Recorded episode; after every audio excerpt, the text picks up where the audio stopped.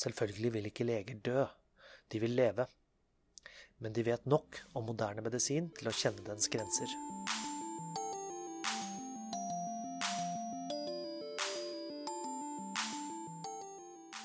Hei og velkommen til Sykepleiens podkast.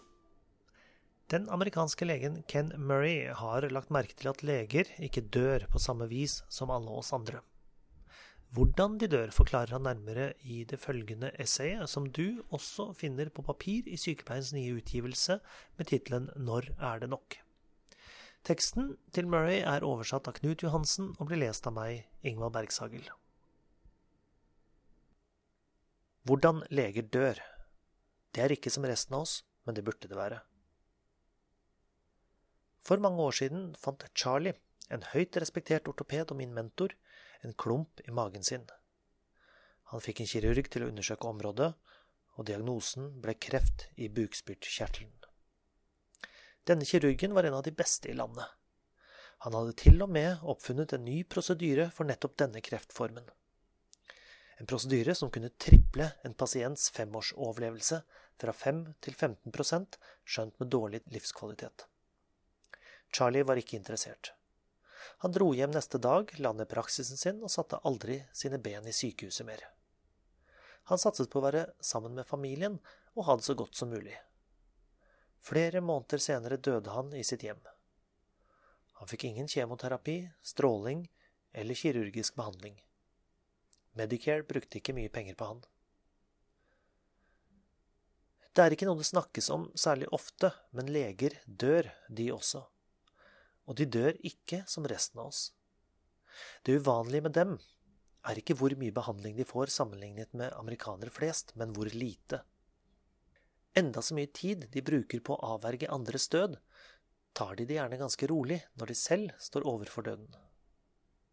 De vet nøyaktig hva som kommer til å skje, de er kjent med valgmulighetene, og de har som regel tilgang til all den medisinske behandling de kunne ønske seg.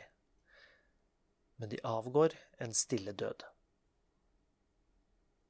Selvfølgelig vil ikke leger dø, de vil leve. Men de vet nok om moderne medisin til å kjenne dens grenser. Og de vet nok om døden til å vite hva alle mennesker frykter mest å dø i smerte og dø alene. De har snakket om dette med familien sin.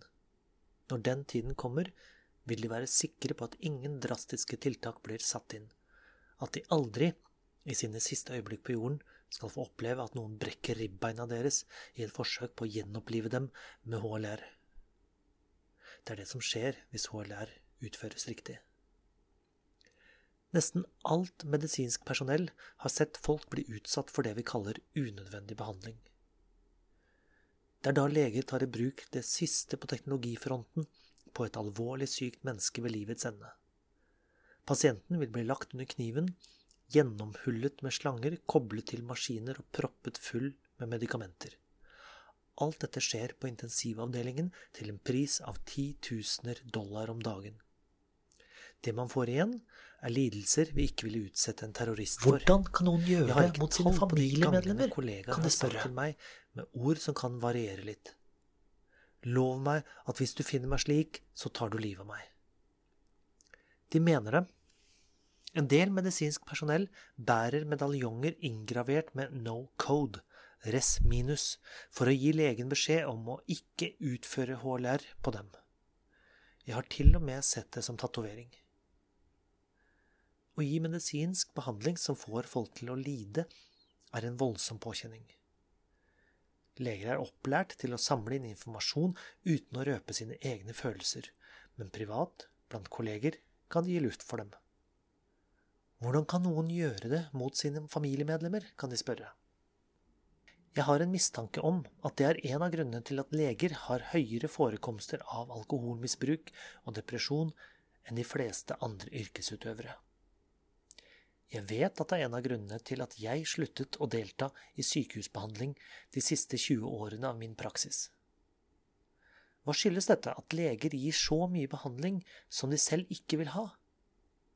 Det enkle, eller ikke så enkle svaret er dette pasienter, leger og systemet. For å forstå hvilken rolle pasienter spiller, kan du se for deg et scenario der noen har mistet bevisstheten og har blitt innlagt på akuttavdelingen. Som så ofte er tilfellet, har ingen lagt noen plan for denne situasjonen, og sjokkerte og redde familiemedlemmer føler seg fanget i en labyrint av valgmuligheter. De er overveldet.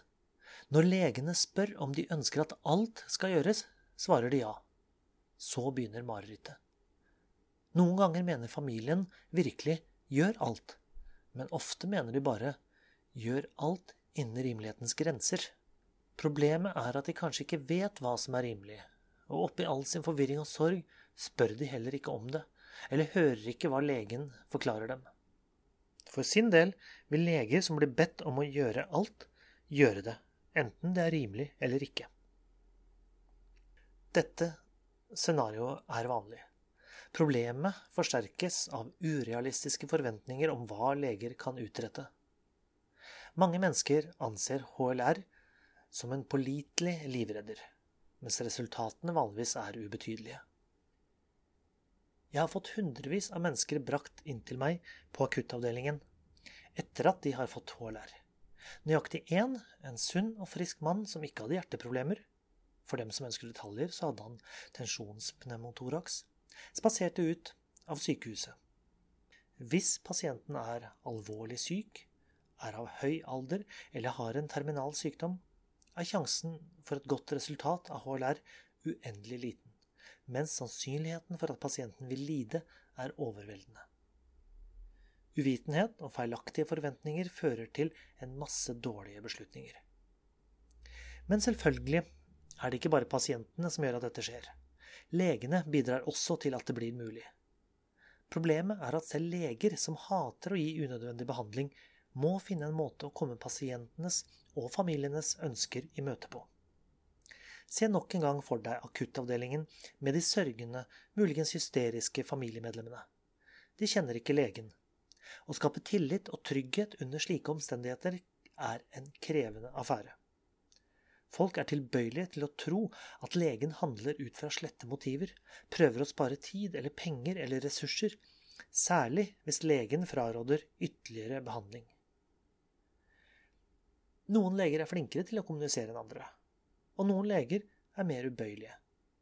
Men presset alle står overfor, er noenlunde det samme. Når jeg sto overfor omstendigheter som innebar livsavsluttende valg, valgte jeg å presentere bare de valgmulighetene jeg anså som rimelige, slik jeg gjorde det i enhver situasjon, så tidlig i prosessen som mulig. Når pasientene eller familiene brakte urimelige valgmuligheter på bane, drøftet jeg dem i legmannsvendinger som tydeliggjorde ulempene. Hvis pasientene eller familiene insisterte på behandlinger jeg anså som meningsløse eller skadelige, tilbød jeg dem å overføre behandlingen til en annen lege eller et annet sykehus. Burde jeg ha vært steilere i enkelte tilfeller? Noen av de overføringene plager meg nok fortsatt. En av de pasientene jeg var mest glad i, var en advokat fra en berømt politikerfamilie. Hun hadde alvorlig diabetes og elendig blodomløp og på et tidspunkt utviklet hun et smertefullt sår på foten. Jeg var godt kjent med risikoen ved sykehus og gjorde alt jeg kunne for å hindre henne i å ty til kirurgi. Likevel rådførte hun seg med eksperter som jeg ikke hadde hatt noen kontakt med. De visste ikke så mye om henne som jeg, og bestemte seg for å utføre en bypass-operasjon på de kronisk tette blodårene i begge bein. Dette gjenopprettet ikke blodomløpet hennes, operasjonssårene ville ikke gro. Det gikk koldbrann i føttene hennes, og det ble nødvendig med tosidig benamputasjon. To uker senere døde hun på det berømte medisinske senteret hvor alt dette hadde skjedd. Det er lett å finne feil hos både leger og pasienter i slike historier, men på mange måter er alle parter ganske enkelt offer for et større system som oppmuntrer til overdreven behandling. I enkelte uheldige tilfeller utnytter legene stykkprismodellen til å gjøre alt de kan, uansett hvor meningsløst, for å tjene penger. Mer vanlig er det imidlertid at legene er redde for å bli saksøkt, og gjør alt de blir bedt om, nesten uten å ta til motmæle, for å unngå problemer. Selv når de riktige forholdsreglene er truffet, kan systemet likevel sluke folk. En av pasientene mine var en mann ved navn Jack, en 78 år gammel mann som hadde vært syk i mange år og hadde gjennomgått 15 større operasjoner. Han gjorde det klart for meg at han aldri under noen omstendigheter ønsket å bli koblet til livsforlengende maskiner igjen. Men på lørdag ble Jack rammet av et massivt hjerneslag og ble innlagt bevisstløs på akuttavdelingen uten sin kone. Legene gjorde alt som var mulig for å gjenopplive han, og satte ham på livsforlengende behandling på intensivavdelingen. Dette var Jacks verste mareritt. Da jeg kom til sykehuset og overtok behandlingen av Jack, snakket jeg med hans kone og med sykehuspersonalet, og hadde med meg notatene fra kontoret mitt med behandlingspreferansene hans. Så slo jeg av de livsforlengende maskinene og satte meg hos ham. Han døde to timer senere. Selv med alle ønskene sine dokumentert hadde ikke Jack dødd som han hadde håpet. Systemet hadde grepet inn. Senere fant jeg ut at en av sykepleierne oven i kjøpet hadde anmeldt meg til myndighetene fordi hun anså min frakobling av Jack som et mulig drap. Det kom selvfølgelig ikke noe ut av det. Jacks ønsker var tydelig forklart, og han hadde sørget for å dokumentere dem. Men utsikten til en politietterforskning er skremmende for enhver lege. Det hadde vært mye enklere for meg å la den livsforlengende behandlingen av Jack fortsette mot hans erklærte ønsker, for å forlenge hans liv og hans lidelser noen uker. Jeg kunne til og med ha tjent litt mer penger, og Medicare kunne ha endt opp med en regning på ytterligere 500 000 dollar. Intet under at mange leger altfor ofte tyr til overbehandling. Men legene overbehandler likevel ikke seg selv. De ser konsekvensene av dette hele tiden. Nesten alle kan finne en måte å dø fredfullt hjemme på, og smerte lar seg lindre bedre enn noensinne. Hospicepleie, som legger vekt på å gi terminale pasienter trøst og verdighet snarere enn unødvendig behandling, gir de aller fleste en mye bedre avslutning på livet. Forbløffende nok viser studier at mennesker som får hospicepleie, ofte kan leve lenger enn mennesker med den samme sykdommen som velger aktiv behandling. Det gjorde inntrykk på meg å høre på radio nylig at den berømte journalisten Tom Wicker hadde dødd fredfullt i sitt hjem, omgitt av familien. Slike historier blir heldigvis stadig mer vanlige. For en god del år siden fikk min eldre fetter Torch, født hjemme i lyset fra en lommelykt, et slag som viste seg å være en følge av lungekreft som hadde spredd seg til hjernen. Jeg sørget for at han fikk snakket med forskjellige spesialister, og vi fikk høre at med en aggressiv behandling av sykdommen hans, inklusiv tre til fem sykehusbesøk i uka for å få kjemoterapi, ville han kanskje leve fire måneder. Når det kom til stykket, bestemte Torch seg for ikke å la seg behandle, og tok simpelthen bare piller mot hjernehevelse. Han flyttet inn hos meg. De neste åtte månedene gjorde vi en masse ting han satte pris på, og hadde det mer gøy sammen enn vi hadde hatt på flere tiår. Vi dro til Disneyland, for første gang for hans del. Vi hygget oss hjemme. Torch var sportsidiot, og han trivdes godt med å sitte og se på sport og spise maten jeg tilberedte. Han gikk til og med litt opp i vekt, siden han spiste yndlingsmaten sin snarere enn sykehusmat.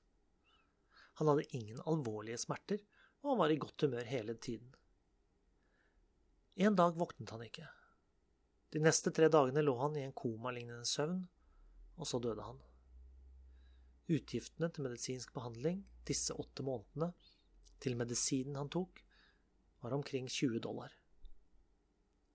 Torch var ikke lege, men han visste at han ville ha et liv med kvalitet, ikke bare kvantitet. Gjør ikke de fleste av oss det? Hvis det finnes en oppskrift på den beste livsavsluttende pleie, er det denne – død med verdighet. For min egen del har jeg gitt legen min beskjed om hva jeg har valgt. Valgene var lette å treffe, som de er for leger flest. Det vil ikke bli truffet noen drastiske tiltak, og jeg vil gå blidt inn i den gode natt. Som min mentor Charlie, som min fetter Torch, som kollegaene mine. Det var Ken Murrays essay 'Hvordan leger dør', som du altså også finner i Sykepleiens nye utgivelse 'Når er det nok'? Dersom du vil høre flere utgaver av Sykepleiens podkast, så finner du alle tidligere episoder på iTunes, på podbind.com og på sykepleien.no. Jeg heter Ingvald Bergsagel. Vi høres.